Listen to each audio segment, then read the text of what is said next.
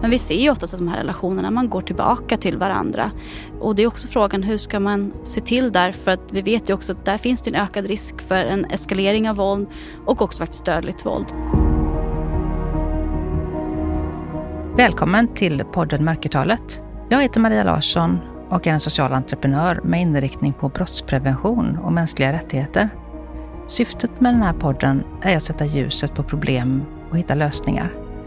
Jag bjuder in gäster som har något att berätta och det blir ett samtal där vi diskuterar utifrån våra olika kompetenser och erfarenheter.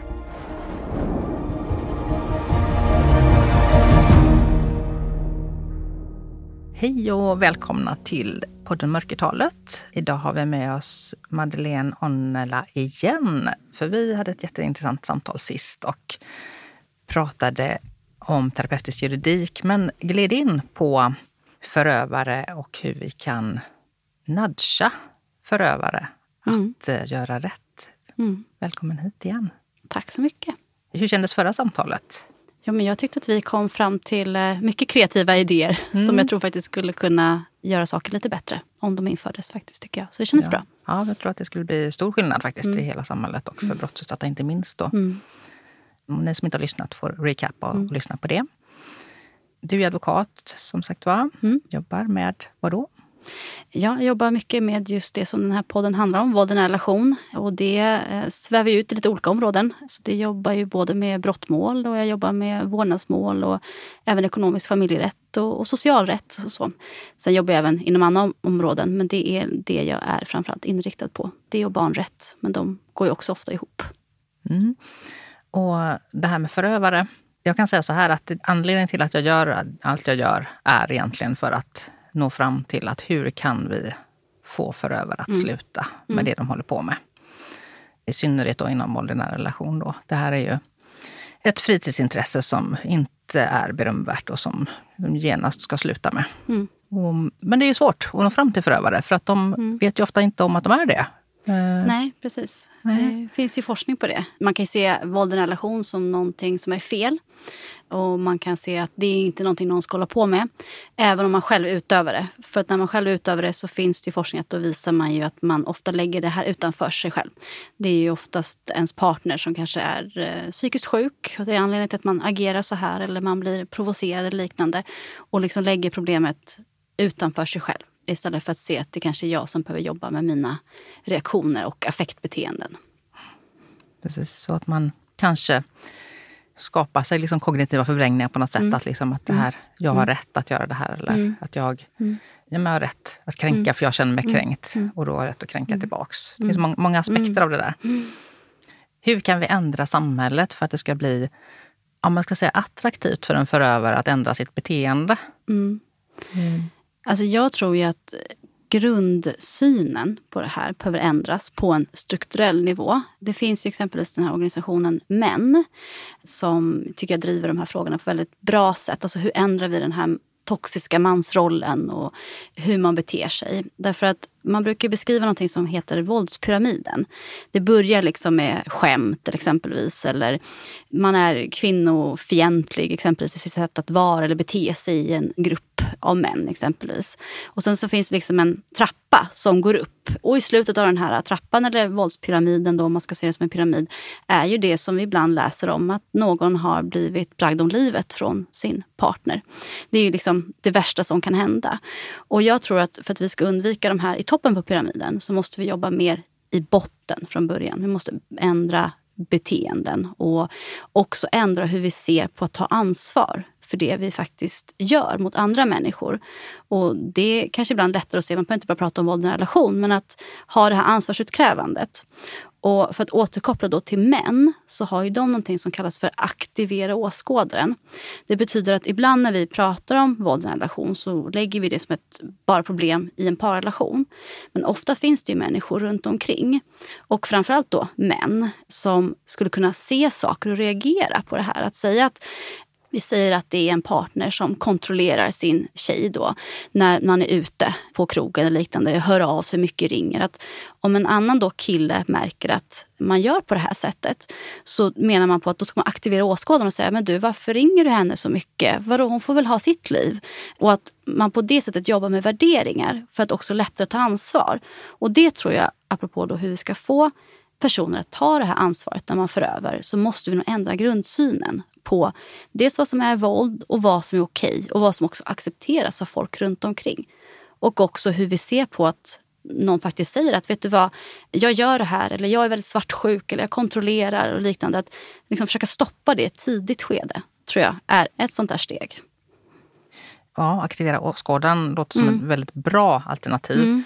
För att när man lever med en sån person mm. så är man ju normaliserad vid det. Mm. Så man är ju van vid att någon ja, kontrollerar den hela tiden. Och så här. Och det, är ju, alltså det är så oerhört svårt att bryta mm. det beteendet inifrån. Så att man behöver hjälp utifrån mm. för att Precis. styra upp det, för att bli Precis, Både där... för att upptäcka men också för att mm. själv bli, mm. alltså komma ur normaliseringen och förstå att det här inte är normalt. Mm. Och att det här inte är okej och att det här bryter ner mig. Mm. För att det är det mm. som är det problem, största problemet, att man inte lämnar. Det är ju för att man är mm. normaliserad och inte, att antingen inte förstår att det är onormalt och inte okej eller också inte vågar lämna. Nej.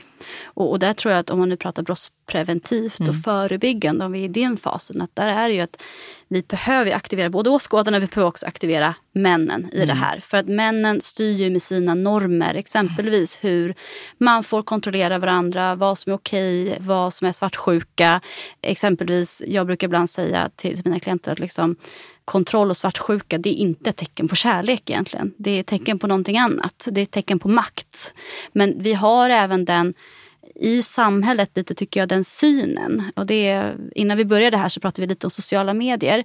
Och jag tycker att det som är skrämmande det är dels att forskning visar ju att våld i relation det går ner i åldrarna. Och det blir även grövre och även mer frekvent. Vilket man hade hoppats på kanske bland vår yngre generation att så inte skulle vara fallet. Och det tycker jag också man kan se om man nu tar en sån plattform som TikTok. Att där är det en väldigt toxisk miljö. Det är liksom nästan det är så här skämtvideos, att man är svartsjuk och man liksom slår varandra för att någon har varit otrogen. Att det är en väldigt osunda, enligt mig, värderingar som lärs ut. Så att jag tror att där behöver vi jobba och ta ett helhetsgrepp förebyggande. Men om man då tar frågan när det väl har hänt och när vi väl kanske sitter och vi har en anmälan eller liknande så anser jag ju att det borde kanske premieras mer i rättsväsendet om man faktiskt medverkar och berättar och tar ansvar. Att det är också någonting som man borde se på. Kanske då att det blir eh, en straffvärdesänkande så att det finns de incitamenten att berätta om det man kanske också har gjort. För det, vi var inne på det i förra avsnittet om terapeutisk juridik. Att forskningen visar ju att exempelvis säga att någonting inte har hänt eller ljuga eller eh, inte stå för någonting. Det är inte så bra heller för den som utsätter. Det är inte bra för dens process heller egentligen. Och absolut inte bra för den som blivit utsatt att kanske bli kallad för lögnare eller psykiskt sjuk eller liknande i en process. Så där tror jag att föra in också lite det som vi var inne på förra gången, det här terapeutiska. Att vara vad ska hända efter rättegången? Ska det bara handla om fria eller fälla och bevisning? Eller handlar det om hur man ska leva sitt liv efter att man har fått en dom också? Att föra in det perspektivet i rättssalarna mer också. Mm. Efter man fått en dom eller att man inte har fått en eller dom? Eller att man inte har fått en dom. Precis. En dom får man i och för sig oavsett. Ja. Men man kan ju bli friad eller fälld mm, så att mm, säga. Mm, men att hur ska det bli efteråt? Liksom? Och bevisningen mm. är ju en sak men eh, ja, hur, om man har barn tillsammans, hur ska man leva efteråt? Vad ska man stå för och inte stå för? Mm, eh, Vem är man som människa och ja, hur, mm. ja, precis, hur lever man sitt liv? Och det här är ju superintressant, tänker jag. Att, eh, tänk om vi hade en rättskedja där det uppmuntrades för förövare att mm. ja, erkänna, att ta ansvar, att mm. säga förlåt. Att mm. man gjorde på det sättet för både vad läkande det skulle mm. vara för den som är brottsutsatt. Mm. Och jag tänker också, som du var inne på, för sig själv. Mm. Att se sig själv i ögonen, se sig, alltså i spegeln liksom. Utifrån att mm. jag står för det jag har gjort. Som en app på, på amerikanska. Ja, ja, men lite så. Och sen... och, ja, och att, men hur är det idag? För det, det känns som, utan att vara för insatt i det här, att man uppmuntras inte som förövare att erkänna, utan det är tvärtom. Man nekar eller med, med, medger inget eller mm. deltar inte i, alltså typ ingen kommentarer Mm. uppmuntras. Är det så? Jag skulle inte säga att det uppmuntras, men däremot så finns det en väldigt stark kultur. Man har ju en rättighet som misstänkt Mm. att vara tyst. Det är en sån rättighet som man blir eh, informerad om inför ett förhör. Mm. Och man har ju också en rättighet att inte medverka till sin egen skuld. Alltså det är också en sån grundläggande också faktiskt eh, mänsklig rättighet. Att helt enkelt statsapparaten ska vara de som ska fylla bevisbördan. Och principen och grundtanken i det tycker jag är klokt. För att du blir som enskild misstänkt för någonting. Och då ska inte du behöva som ensam person försvara dig för det. Utan det är ju faktiskt eh, Åklagarmyndigheten med sina resurser via Polismyndigheten som ska utreda det här och sedermera i sådana fall åtala och lagföra det här via en domstol. Så det tycker jag i och för sig är ett rimligt system. Att man inte ska behöva Såklart, det ska inte vändas emot den att man är tyst. Men däremot så tycker jag att det här andra perspektivet, det här terapeutiska och läkande, det har liksom, liksom försvunnit i det här.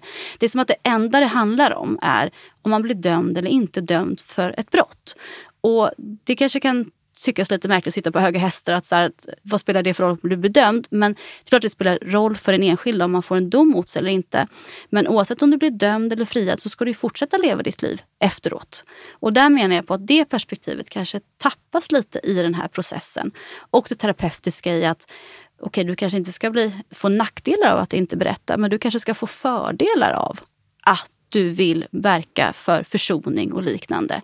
Det kanske borde uppmuntras mer. Och det gör det exempelvis i vissa andra system. Men där har vi haft en väldigt stark traditionell syn på att vi vill inte ha ett system där man ska liksom uppmuntra till erkännanden exempelvis. För att grundtanken i det är att vi vill inte ha system där folk ska kunna göra falska erkännanden av rädsla och liknande. Och det tycker jag också återigen, det är också logiskt att inte människor ska känna sig utsatta och erkänna saker de inte har gjort. Men jag tycker fortfarande att det här tredje perspektivet också borde få spela in. Och det tycker jag vi har tappat helt i vårt rättsväsende idag. Mm, jag är helt med dig på det. Absolut är det så att vi kan ju inte gå på att någon erkänner brott bara. Utan de, alltså, brotten ska ju utredas och det, det åligger åklagaren och Polismyndigheten där att göra sitt jobb oavsett. Men det är så otroligt viktigt att få ett erkännande för den som är brottsutsatt. Och om man då betänker även att den som utövar brott tar på sig skuld och har sin läkning i att bli en hel människa, bättre människa och framåt leva ett gott liv. För det är ju det som vi alla siktar på, att få ett gott liv som vi kan leva tillsammans. Och att kriminalvården också, liksom, tänker jag, ska ta vid om man får en fällande dom. Och också, där finns ju liksom vård och incitament inom kriminalvården. Men att man genom att bygga på det här holistiska synsättet och ta ansvar för det så har man ju lättare att nå fram med den vården som erbjuds sen.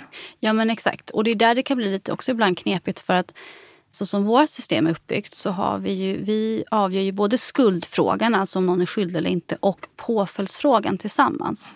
Det vill säga vilket straff man ska få. Och det betyder ju att ibland kan en person ha gått till kriminalvården och till frivården där inför att det ska vara rättegång och så gör man ju en sån här personutredning. Och eh, då får man frågor om man kan tänka sig skyddstillsyn eller liknande. Och det kan ju bli lite knepigt för att personen i fråga kanske förnekar att den ens har gjort någonting. Men ska ändå prata om vilken påföljd den kan tänka sig om den fälls. Och det blir ju ibland, kan jag tycka, lite tankevurpa. I, för då ibland kan det också komma fram i personaldelen ungefär att om jag kanske har lite aggressionsproblem ungefär. Sen får inte det i sig betyda att det är ställt bort allt tvivel att du har gjort den här gärningen. Men det är också en sån här sak att det blir lite svårt rent logiskt att förstå de där. Nej, men jag, jag ska ju inte dömas. Ganska ofta fastnar ju personer i det. Men jag ska ju inte dömas för någonting. Och så får ordföranden säga att nej men om du skulle döma så är det det här vi pratar om nu. Vad vill du ha en skyddstillsyn? Eller ja, jag säger inte om du vill ha, men mm. samtycker du? Eller liksom så. Och då blir det lite svårt tycker jag, apropå de här delarna. Sen om vi nu pratar påföljder, det vill säga straff, så tycker jag ju att där måste vi också utveckla kunskapen inom eh, kriminalvården och deras program. Därför att vi har haft tidigare program, exempelvis IDAP fanns tidigare, alltså som skulle jobba brottspreventivt. Visade sig att det blev till och med en högre återfallsrisk efteråt. Att där måste vi också öka på kunskapen på vad som faktiskt ger effekt. Det finns otroligt, jag har försökt titta på det här själv, otroligt lite forskning på vad som faktiskt ger effekt i, om man kan uttrycka det som rehabilitering, i våld i nära relation. Så där måste vi öka kunskapen och också se vad som är vad. Jag tycker också att man inom eh, kriminalvården borde öka kunskapen också kring eh, det man ibland brukar benämna för den mörka triaden. Känner du till det? Mm. Ja, exempelvis om du har psykopati eller narcissism. För det är också så att har du eh, en problem med aggressivitet, om jag tycker det så, för att du har missbruk i botten eller för att du har en väldigt utsatt och pressad livssituation, då måste du jobba med en person utifrån de omständigheterna. Har du med de här syndromen att göra, då måste du titta på vad är de här personerna på skalan? Vad är det för någonting man skulle kunna ge för rehabilitering där? En del forskning visar också på att ge de här återfallsprogrammen, det gör ju snarare ibland vissa individer farligare efteråt. Så där anser jag också att där måste kunskapen lyftas rejält. För man kan inte erbjuda, anser jag, alla individer samma typer av våldspreventiva program. Utan där måste man liksom skräddarsy mer utifrån de här individernas egna problematik. Och det anser inte jag att det görs tillräckligt mycket idag. Och man lyfter ju inte de här äh, personlighetssyndromen tillräckligt mycket heller tycker jag. Nej, verkligen inte. Det är jättetydligt, även tyvärr inom socialtjänsten, att eh, kriminalvården och socialtjänsten lär upp förövare hur de ska bete sig. Mm. Om man du skulle inom socialtjänsten då så hör man liksom, man märker väldigt tydligt när man är i de processerna mm att en förövare kammar till sig mm. väldigt mycket. Och det är mm. inte bara för att den får insyn eh, eller att den får mm. liksom ögonen på sig. Liksom, utan det är ju även för att den faktiskt får redskap av mm. till socialsekreterare som säger, ja men om du gjorde så här och så här och mm. har du mm. provat det här och det här tycker jag att du skulle göra. Och det är inte deras uppdrag, utan de ska utreda föräldraförmåga och situationen. De ska inte guida misstänkta förövare till att mm. bli låtsas bra människor. Mm. För det är ett jättestort problem. Mm. Det där är, det är mm. viktigt på riktigt, mm. liksom att mm. de som är med och träffar misstänkta förövare eller dömda förövare vet mycket mer om hur de här psykologiska faktorerna fungerar och mörka triaden etc. Ja, och det är det som också är att om man nu pratar om eh, det som ibland kan utredas i eh, ärenden, det är om någon har en allvarlig psykisk störning. För då finns det exempelvis ett fängelseförbud. Och då gör man ju såna här rättspsykiatriska undersökningar. Det är en ganska stor apparat. Och om man nu pratar narcissism så är ju inte det någon, en sån allvarlig psykisk störning som ger ett fängelseförbud. Men jag tänker att eh, om vi hade haft mer fokus och utreda den typen också. Tänk att du har en person som blir dömd för våld i en relation och sen har du ett sånt här äh, yttrande från frivården där det framgår att vi har tittat på de här faktorerna och vi kan bedöma att den här personen är i spektrat för de här olika. Tänk att bara ha det intyget framöver exempelvis. För det är också väldigt svårt just diagnostiken är ju också väldigt svår i de här ärendena som det bygger på självskattningar och liknande. Men det är också väldigt svårt att komma under full med vad är det med den här personen? Finns det en förmåga till förändring?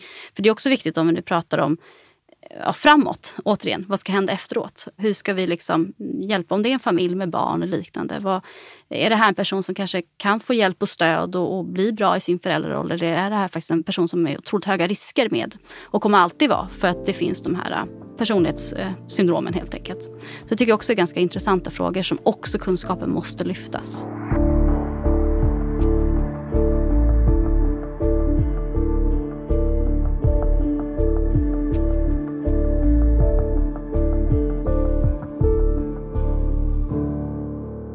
Man märker ju liksom att det är eh, stor kunskapstapp eh, mm. inom de flesta skrå i det här. Att man eh, tänker att ja, men alla människor funkar lika och man har mm. mm. samma mm. möjlighet till förmåga mm. att förbättra sig och mm. utveckla sig och ändra sig och ta till sig information om att jag har ett skadligt beteende eller att jag behöver ändra det. Och när någon då säger det i ord då, så litar man på det.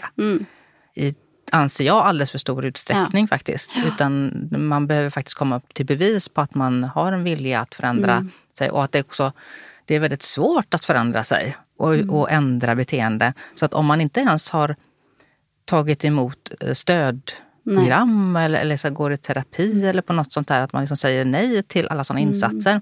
Då tycker jag att det visar ju att man inte är egentligen nej. intresserad. Nej, och det som, eh, om man nu tar narcissism då, det har ju blivit väldigt på modet att prata om mm. narcissism. Och det ska man också vara medveten om att alla människor har ju narcissistiska drag, mer eller mindre. Men om man väl når upp så att man har det här syndromet mer, alltså man får det som en, ett diagnoskriterium, det är väldigt komplext att få det. Då är man ju på en annan nivå. Och där finns det forskning som visar på att de kan absolut bli hjälpta av terapi om de själva vill ha en förändring. Men däremot blir det inlärda beteenden för att man förstår rent kognitivt att man behöver ändra på sig för det blir för stora kostnader för en själv att bete sig så här. Men det kräver säkert att individen själv vill det, ofta säger man ju. Och där pratar vi om år och ganska avancerad terapi med terapeuter som också måste vara medvetna av så att inte de själva blir manipulerade i terapin. För det är också väldigt vanligt att man går och säger att till men nu pratar också våld i nära relation, att man går och säger att men jag, jag kommer förbättra mig, jag ska börja gå i terapi. Och så går man i terapi och så har, manipulerar man terapeuten och så tycker terapeuten att men det går jättebra för Kalle här nu. Och så säger man det till Kalles fru att nu har Kalle förändrats. Men egentligen har det inte hänt så mycket utan det är mer en, en manipulation helt enkelt. Och det där kan ju hända även inom, såklart, inom kriminalvården om man tänker deras program. Så där krävs det ju såklart en hög kunskap för att jobba med den typen av problematik. Mm. Hur skulle det kunna se ut om man eh, hade, vi tänker oss en, eh, ett rättssystem, en, en rättskedja där man då skulle uppmuntra till att man tar på sig skuld för jag tänker, det finns ju vissa sådana här mm. tester eh, ja, ute i världen, vet inte, det finns säkert i Sverige också, det har funnits, där man sätter förövare och brottsutsatta mm. i samma rum och så ska mm. det vara liksom någon slags försonings ja. eller krav. Någon ska säga åh förlåt mig och den andra ska säga jag förlåter dig. Och för mm. mig så är det ytterligare ett övergrepp mm. kan jag ju tycka då. Och att, när jag hör dig prata så tänker jag ju en annan sak. Ja. Eh, jag tänker liksom att ta på sig ansvaret för någonting, det är inte samma sak som att man avkräver en ett förlåtande nej, från nej. en brottsutsatt? Exakt, För jag tänker exakt. här är något som vi behöver hålla isär då. Ja, ja men verkligen. Bra fråga. Jag tänker att det närmaste, om vi nu också återknyter till det vi pratade om tidigare, det är medling. Om vi pratar om terapeutisk juridik. Och det finns ju exempelvis ganska vanligt i ungdomsmål att man har medling. Sen är det någonting som faller liksom lite utanför rättsprocessen egentligen. Men det kan ju vara väldigt bra. Det jag har sett så här, väldigt fina exempel på själv det är ju exempelvis att det kan ju vara en individ som inte mår så bra av någon anledning. Och då pratar vi inte våld i en relation. Men som har utsatt eh, personer som kanske är okända för någonting. Och och eh, då blir såklart de okända väldigt rädda för den här personen och känner kanske att det ibland om man varit utsatt för någonting kan vi bygga upp liksom skräckbilder kring den här personen. Och då man får se den här personen efteråt i rätten och man kanske ser att det här är en individ som inte mår bra. Och så kanske till och med individen säger att ja, men jag mådde inte så bra eh, vid det här tillfället och jag är jätteledsen att det här har påverkat er på det här sättet.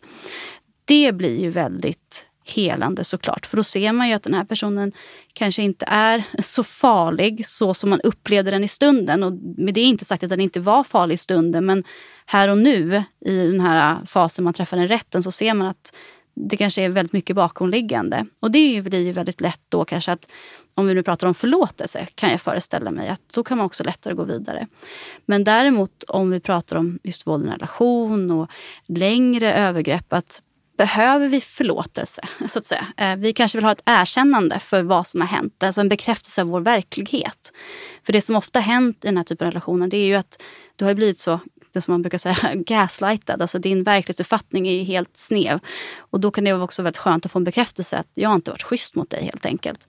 Det betyder ju däremot inte att man kanske måste förlåta det man varit med om. Men kanske däremot mm. förståelse kanske ändå tänker jag är läkande. Jag vet inte, hur tänker du kring det här? Mm. Ja men absolut, precis så. I Sydafrika hade man ju den här ja. sannings och försoningskommissionen mm. efter apartheid. Mm. Mm. Och den tänker jag, det liknar ja, lite verkligen. det här. Att mm. det, det handlar om att, och där blev de ju inte dömda vad jag förstod, utan fokuset var ju på att ta på sig skuld och ansvar ja. för det som mm. skett. Och det var ju otroligt läkande, mm. eh, vad jag förstår, för alla inblandade. Just att det här statementet, jag Mm. Jag gjorde fel. Mm. Jag gjorde så här och det var fel. Mm. mm. Att det är ett sånt otroligt statement. Eh, som gör att allting bara runt mm. omkring får en läkning. För det är också så, det är inte bara den brottsutsatte och de barnen. Nej. Om det är våld i nära relation. Utan här finns ju då syskon runt den brottsutsatte. Mm. Det finns föräldrar, mm. det finns liksom mostrar och fastrar. Alltså det är ju en hel släkt som är ja. otroligt påverkad av vad som har skett. Och alla de här processerna då som har varit och de kanske har haft en stor oro i många år för den här relationen. Mm. Eller också har de inte sett något. Men alltså det, och då är det en chock för dem, det som har skett. Och att de har förstått att vad som har varit. Liksom. Så det här läkedomen för det här gäller ju inte bara den enskilda person som är brottsutsatt, utan det gäller ju hela det sammanhanget mm. runt omkring den personen. Och det var faktiskt väldigt fint att du lyfte det perspektivet, tänker jag. För att också när du pratar om vad som händer efteråt. Du tänker att du har en mamma vars barn blir anklagad för att ha utsatt någon. Då kanske du tänker som mamma att nej men det har han inte gjort. Man går i försvar. Mm. Och så kanske barnet säger att nej men jag har inte gjort någonting. Mm. Den här personen ljuger bara. Då tänker jag att framöver, hur ska den här dynamiken se ut och mm. kontakt och apropå barn som vi är inne mm. på. Hur ska den här då kanske mormor eller farmor bete sig framöver gentemot den som då har anklagat barnet för att ha gjort det här. Det är klart att det inte blir så läkande utan det blir som ett varigt sår tänker jag hela tiden.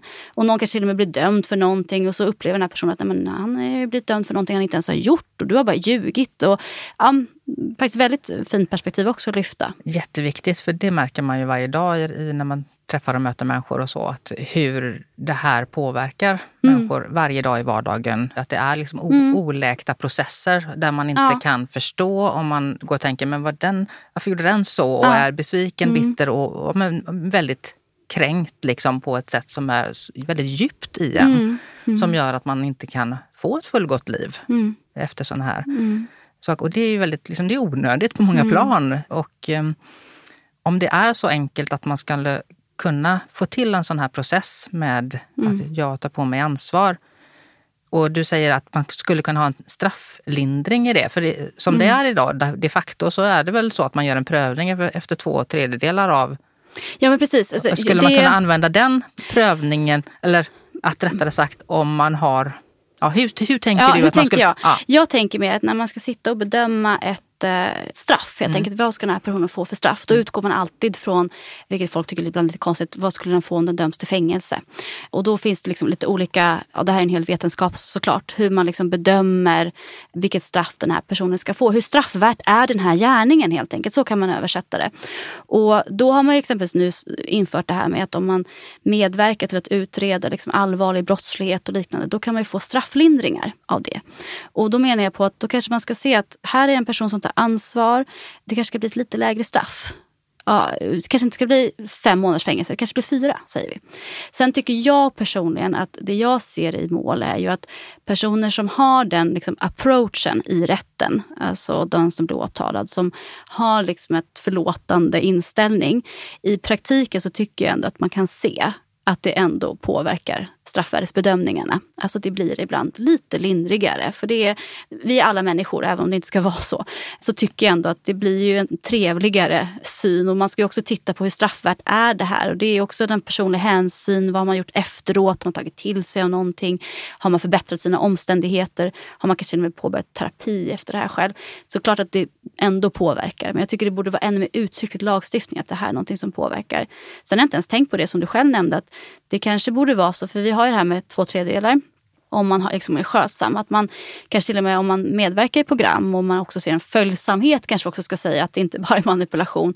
Kanske man också ska kunna få lite snabbare frisläpp så att säga. Så det är också någonting man mm. kanske skulle kunna tänka på. Absolut.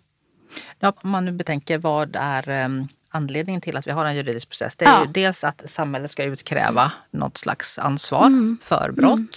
Men också så är det ju att eh, mm. alltså brottspåföljden är ju att vi ska rehabilitera ja, den personen till att precis. bli en fullvärdig ja. medborgare som kan släppas mm. och komma ut och mm. bete sig mm. på ren svenska. Precis. Och det här är ju ett incitament som absolut, anser jag, är en grund för att man ska mm. komma ut och just bete sig mm, mm. efter ja, och det vi, och, Ja, och det vi inte får glömma heller i de här processerna är att det är ju inte ovanligt att en person döms för brott i en relation och relationen fortsätter efteråt där behöver vi också bli väldigt mycket bättre på att följa upp. Och där finns det en del projekt nu. Jag vet både socialtjänst och polis arbetar ganska uppsökande. Bland annat Södertälje då, där jag verkar mycket har man haft sådana projekt som varit väldigt framgångsrika. Men att vi får inte glömma den aspekten också. Att vi ofta ser både kanske varit en anmälan. Det behöver inte alltid vara så att det har lett till en, eh, ja, att någon har dömts för brottet. Men vi ser ju ofta att de här relationerna, man går tillbaka till varandra. Och det är också frågan, hur ska man se till där? För att vi vet ju också att där finns det en ökad risk för en eskalering av våld och också faktiskt dödligt våld. Att hur ska vi jobba där? Apropå framtid och vad som händer efter brottmålsprocessen. Det är också jätte, jätteviktigt. Mm. Och den tänker jag att vi får ta ett annat program mm. helt enkelt. Ja. För det hinner vi nog inte gå in på nu.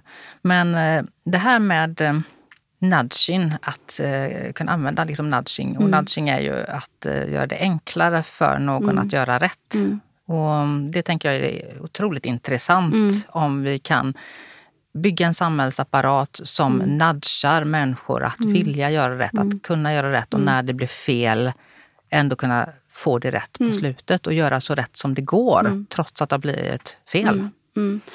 Och där tror jag att vi behöver ha en attitydförändring. Alltså lite vad, apropå det vi var inne på i förra avsnittet, terapeutisk juridik. Vad ska vårt rättssystem, vad ska det upprätthålla? Vad är det vi vill ha ut av vårt rättssystem? Vad är syftet med att vi har lagar och regler och att vi har straff?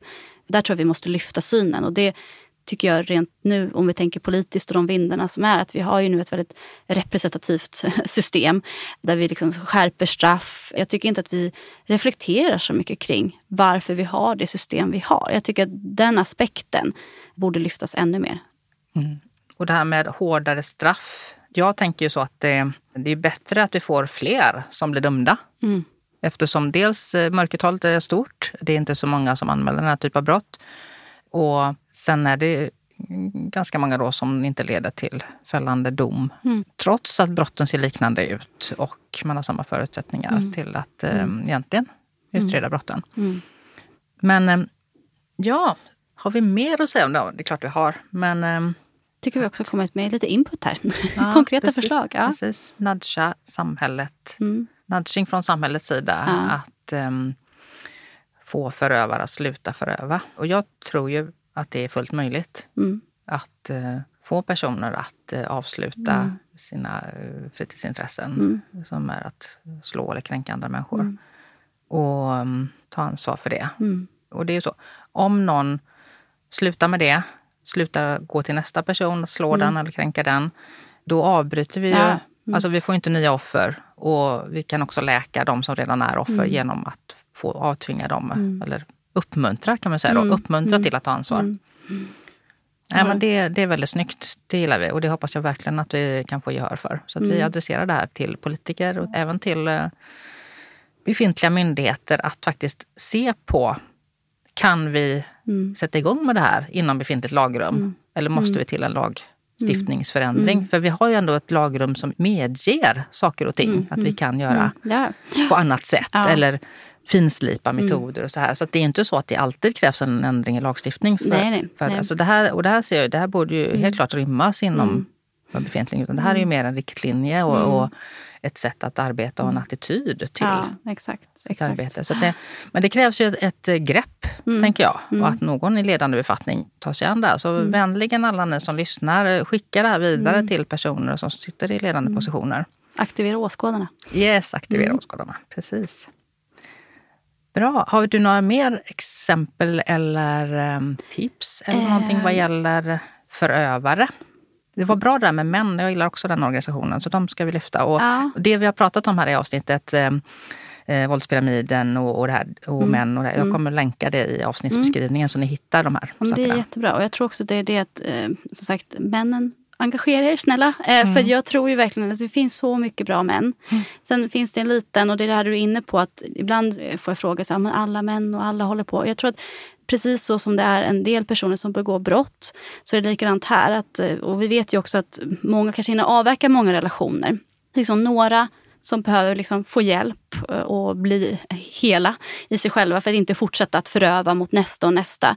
För att de här bra killarna och männen som finns, de gör ju inte så här. Och det är inte de vi hör om. Men de, ni behöver aktivera er, grabbar.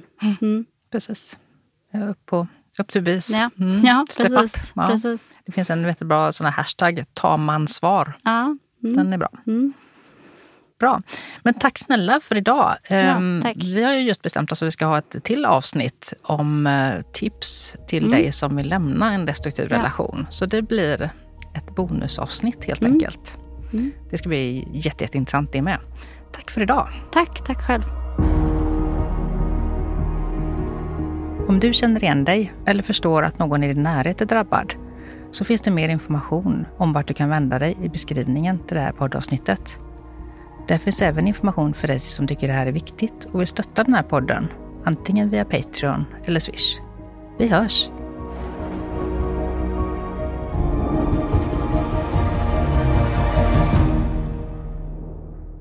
Podden Mörkertalet produceras av mig, Maria Larsson och Stray Dog Studios.